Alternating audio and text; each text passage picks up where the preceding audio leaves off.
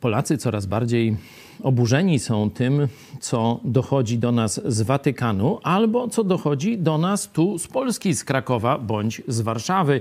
Sensacją są e, filmy pokazujące prawdę, straszną prawdę o kardynale Dziwiszu, ale jeszcze straszniejsza jest obrona czy usprawiedliwienie, chociaż świadków i świadectw jego przeróżnych obrzydliwości jest co niemiara.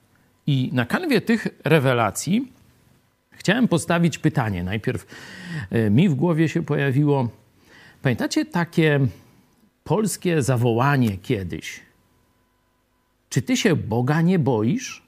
Jeśli ktoś przekraczał w sposób ostentacyjny i uporczywy pewne normy moralne, to inni stwierdzali, on chyba nie wierzy w Boga, w tym sensie nie boi się Boga, nie uznaje go. A teraz zadajcie to samo pytanie w odniesieniu do hierarchów katolickich, takich jak Dziwisz, przecież on był papieżem, można powiedzieć, przez wiele lat, a, to, a do dzisiaj jeszcze wiele sznurków jest w jego rękach i wiele strasznych tajemnic. I tych wszystkich hierarchów, biskupów, którzy go popierają. Czy oni się Boga nie boją? Zobaczcie świadectwo Pisma Świętego. To jest Księga Przypowieści Salomona, ósmy rozdział, werset trzynasty. Bać się Pana znaczy nienawidzieć zła. Nienawidzę buty i pychy, złych postępków oraz przewrotnej mowy.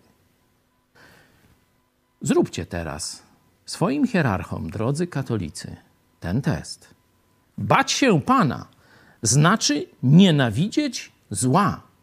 Nienawidzieć buty, nienawidzieć pychy, nienawidzieć złych postępów i kłamliwej, przewrotnej mowy.